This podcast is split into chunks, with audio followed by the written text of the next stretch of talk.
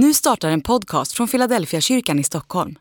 Om du vill komma i kontakt med oss, skriv gärna ett mejl till hejfiladelfiakyrkan.se.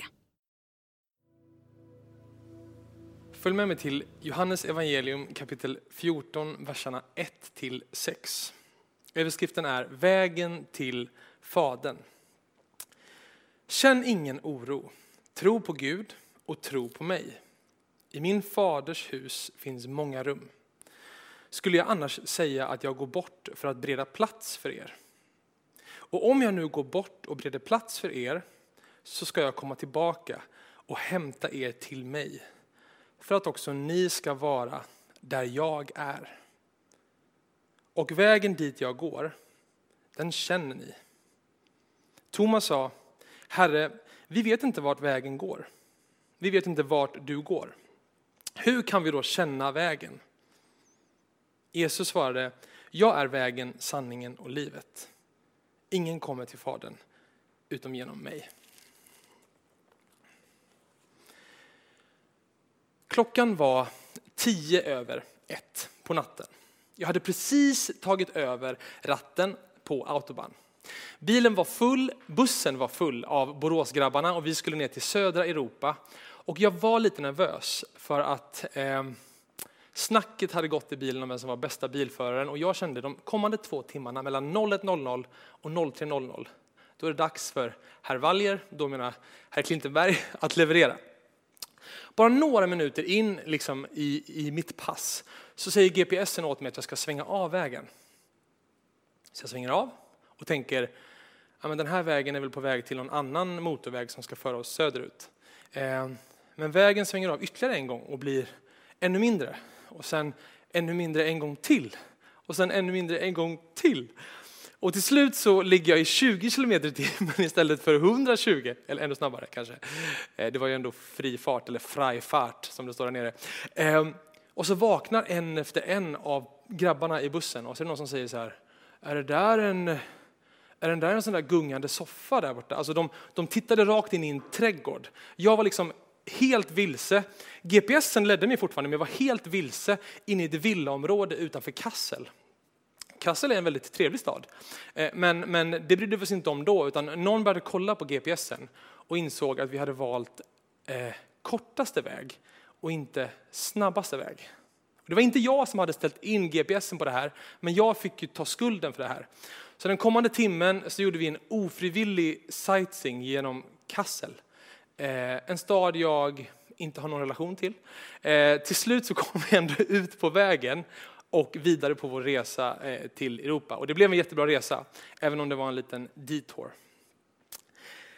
De första kristna, de som levde på Jesu tid och kort därefter, de kallades för vägens folk, eller de som hör till vägen. Och när man tänker på det och studerar lite hur de levde så är det inte en helt ologisk tanke. Om man tar Paulus till exempel, som var en av de första kristna.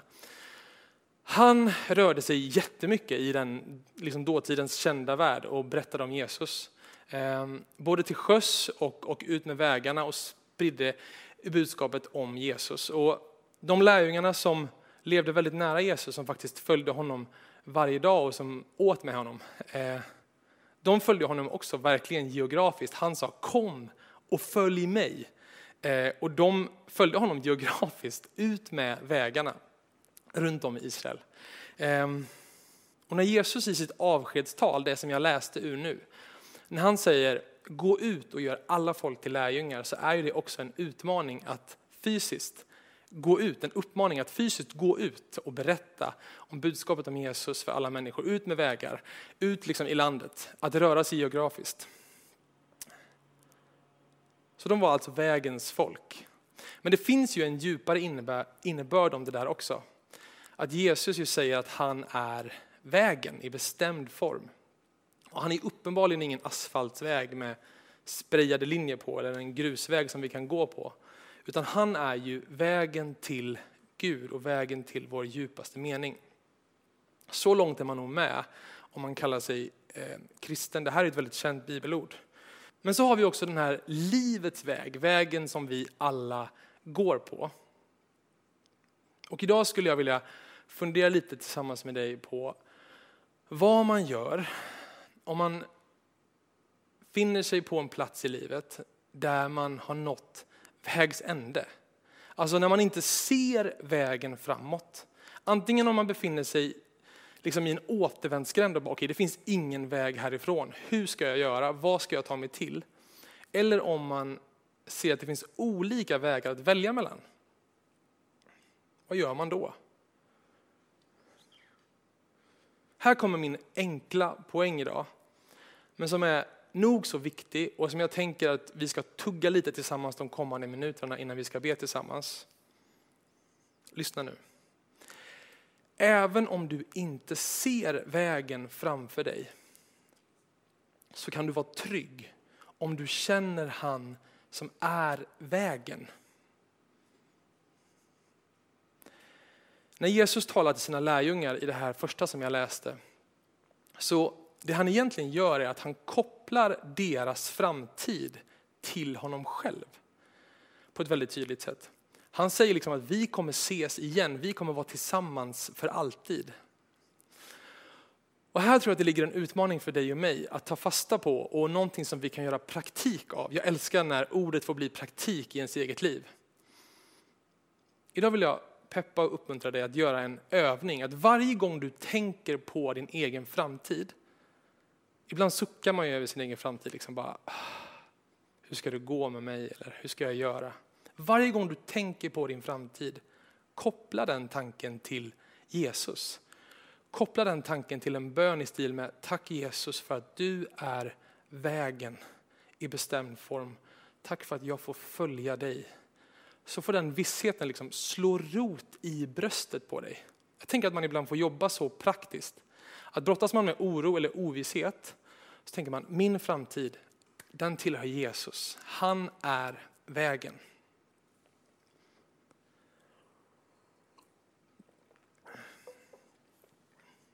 Även om du inte ser vägen framför dig så kan du vara trygg om du känner han som är vägen.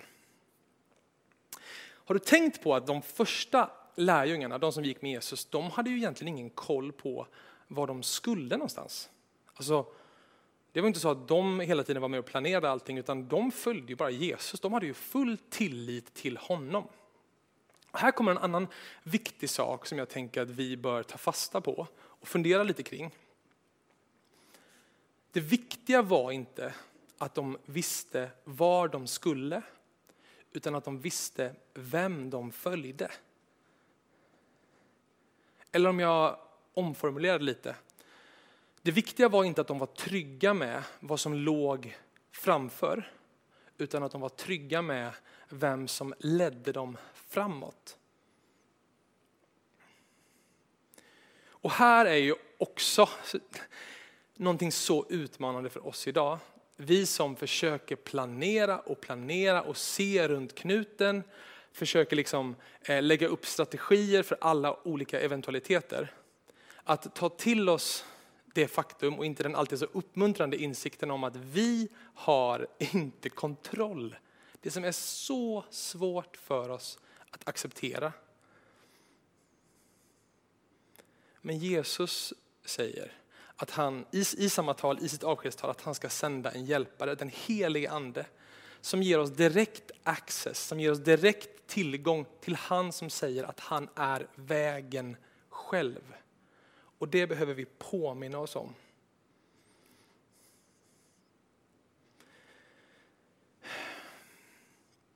För ett tag sedan gjorde vi en övning i vår bönegrupp som var väldigt intressant och som jag tänker att man, om man kallar sig kristen, så kan det vara en, en övning som är bra att göra lite då och då. Vi liksom funderade på, spaltade upp för oss själva, vad har jag i mitt liv som egentligen är viktigt och vad är viktigast i mitt liv? För det som är viktigast i våra liv, det är inte rocket science att det kommer prägla oss enormt mycket. Um, och vi, vi fick ställa oss frågan, är Jesus den som djupast sett leder oss? För den, som, den eller det som har första platsen i vårt liv, i den eller dets fotspår kommer vi ju vandra. Alltså i den riktningen kommer vi ju forma våra liv. Tänk på det. Fundera på det själv. Som en övning bara. Vad, vad har jag i mitt inre? Och vilken riktning har jag i mitt liv? Om du inte ser vägen framför dig så kan du vara trygg om du känner han som är vägen. Han bjuder in dig till en relation med honom själv.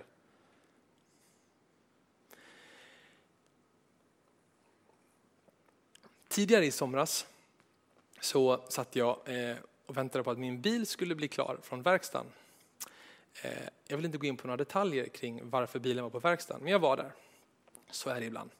Eh, och så fick jag en låt skickad till mig i min mobil. En kompis som hade skrivit en låt.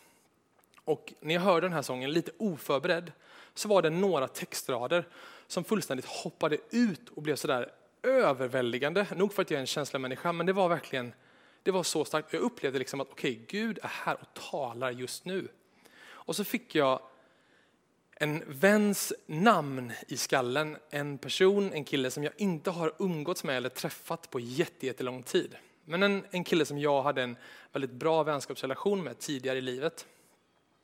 Um, och så upplevde jag att den här textraden är till honom. Jag upplevde att, liksom att den helige ande talade till mig på det sättet. Så jag gick in på Facebook för jag var osäker på vad han hade för mobilnummer och så skrev jag så här, hej, eh, har du fortfarande det här numret? För jag vill skicka en sak till dig. Och han svarade direkt, ja, jag har det numret. Send it over, typ. Kul att du hörde av dig. Så jag klickar in den här låten i mitt sms-flöde och sen när jag ska skriva till honom, den här låten ska du ha och den här textraden ska du ha, så upplever jag att det är som att Gud säger genom den heliga ande att ja, men det, är någonting, det är någonting mer som, som jag vill säga. Så jag bara skriver på, så här, men det här är, jag tror att det här är till din fru speciellt, för jag visste att han var gift. Det här är till din fru speciellt och det här, det här är ord som, så jag, jag kom verkligen i feeling, jag bara, du borde sjunga den här för din fru. Typ så här. Vi, alltså jag vet vad jag har honom så det var inte helt random att jag sa så. Ehm, du borde sjunga den här för din fru, jag, jag tror verkligen att det här är ord över hennes framtid. Och så eh, tryckte jag på sänd och sen så släppte jag det och tänkte han är en klok person, liksom. han, han kommer kunna pröva det här och göra vad det är liksom, med det. Så. Mm. Eh, och sen så blev bilen klar och jag satte mig i den och började åka in mot stan. Och så fick jag ett sms där han bara skrev, vet du vad vi står i just nu och vad vi går igenom? Och då skrev jag, nej jag har, jag har liksom ingen aning. Inte när jag körde, men jag skrev förmodligen vid ett rödljus. Eh, Eh, och så skrev han, kan jag ringa dig efter jobbet? Absolut, det går bra. Så på eftermiddagen där så ringde han upp och så sa han, min fru ringde och var helt förkrossad eh, på ett positivt sätt. För kvällen innan hade de stått på sina knän och bett till Gud inför ett väldigt, väldigt tydligt vägskäl i livet där de inte visste var de skulle gå. Och det gällde speciellt en situation runt omkring henne och hon, hon bara kände så här, Jesus jag behöver din ledning och jag behöver känna att du är med. Och så får hon den här textraden som väldigt tydligt pekar på att Jesus, du är min framtid, du är vägen vidare. Oavsett vilken väg jag väljer så vill jag följa dig. Det var väldigt, väldigt tydligt framgångsfokus, framtidsfokus och, och fokus på att Jesus är vägen. Och det blev en sån ljuvlig uppmuntran för mig och för dem om just det som Jesus vill säga i det här ordet, att han är vägen. Att vi kan lita på att om vi följer honom, om vi lyssnar till hans ord och lyder det som han säger, så leder han oss och då kan vi vara trygga med att framtiden tillhör honom.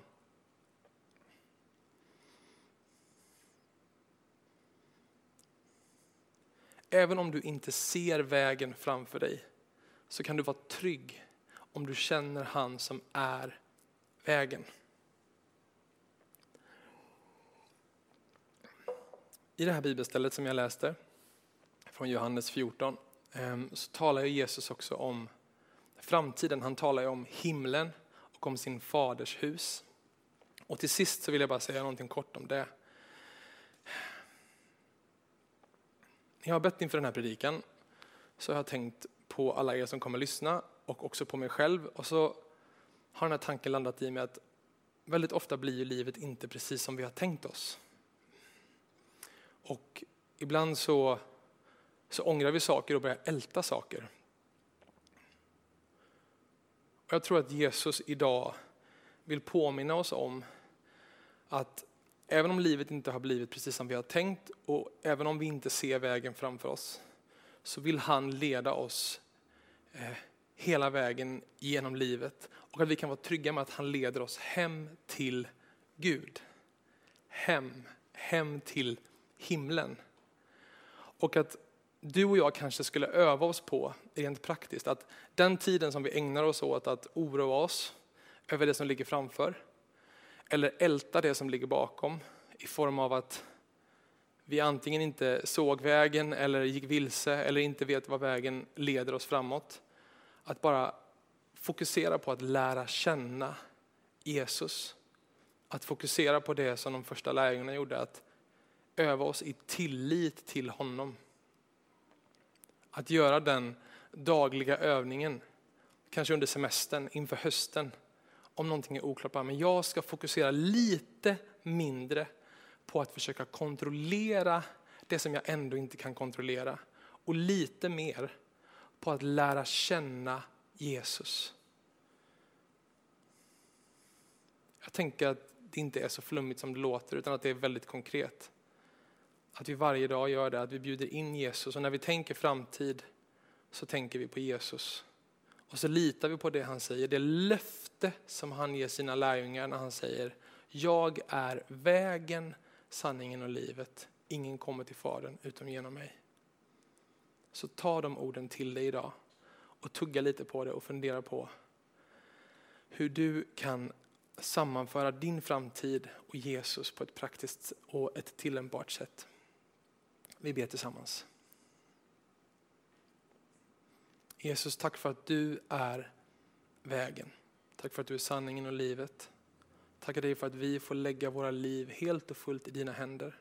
Och att vi kan lita på att du leder oss hela vägen hem till Gud i himlen. Vi ber för den tid som ligger framför, för den vecka som ligger framför. Vi överlämnar det vi har till dig och säger tack för att du vill vara involverad i vår framtid. Vi vill följa dig. Led oss älskade Jesus. I ditt namn vi ber. Amen.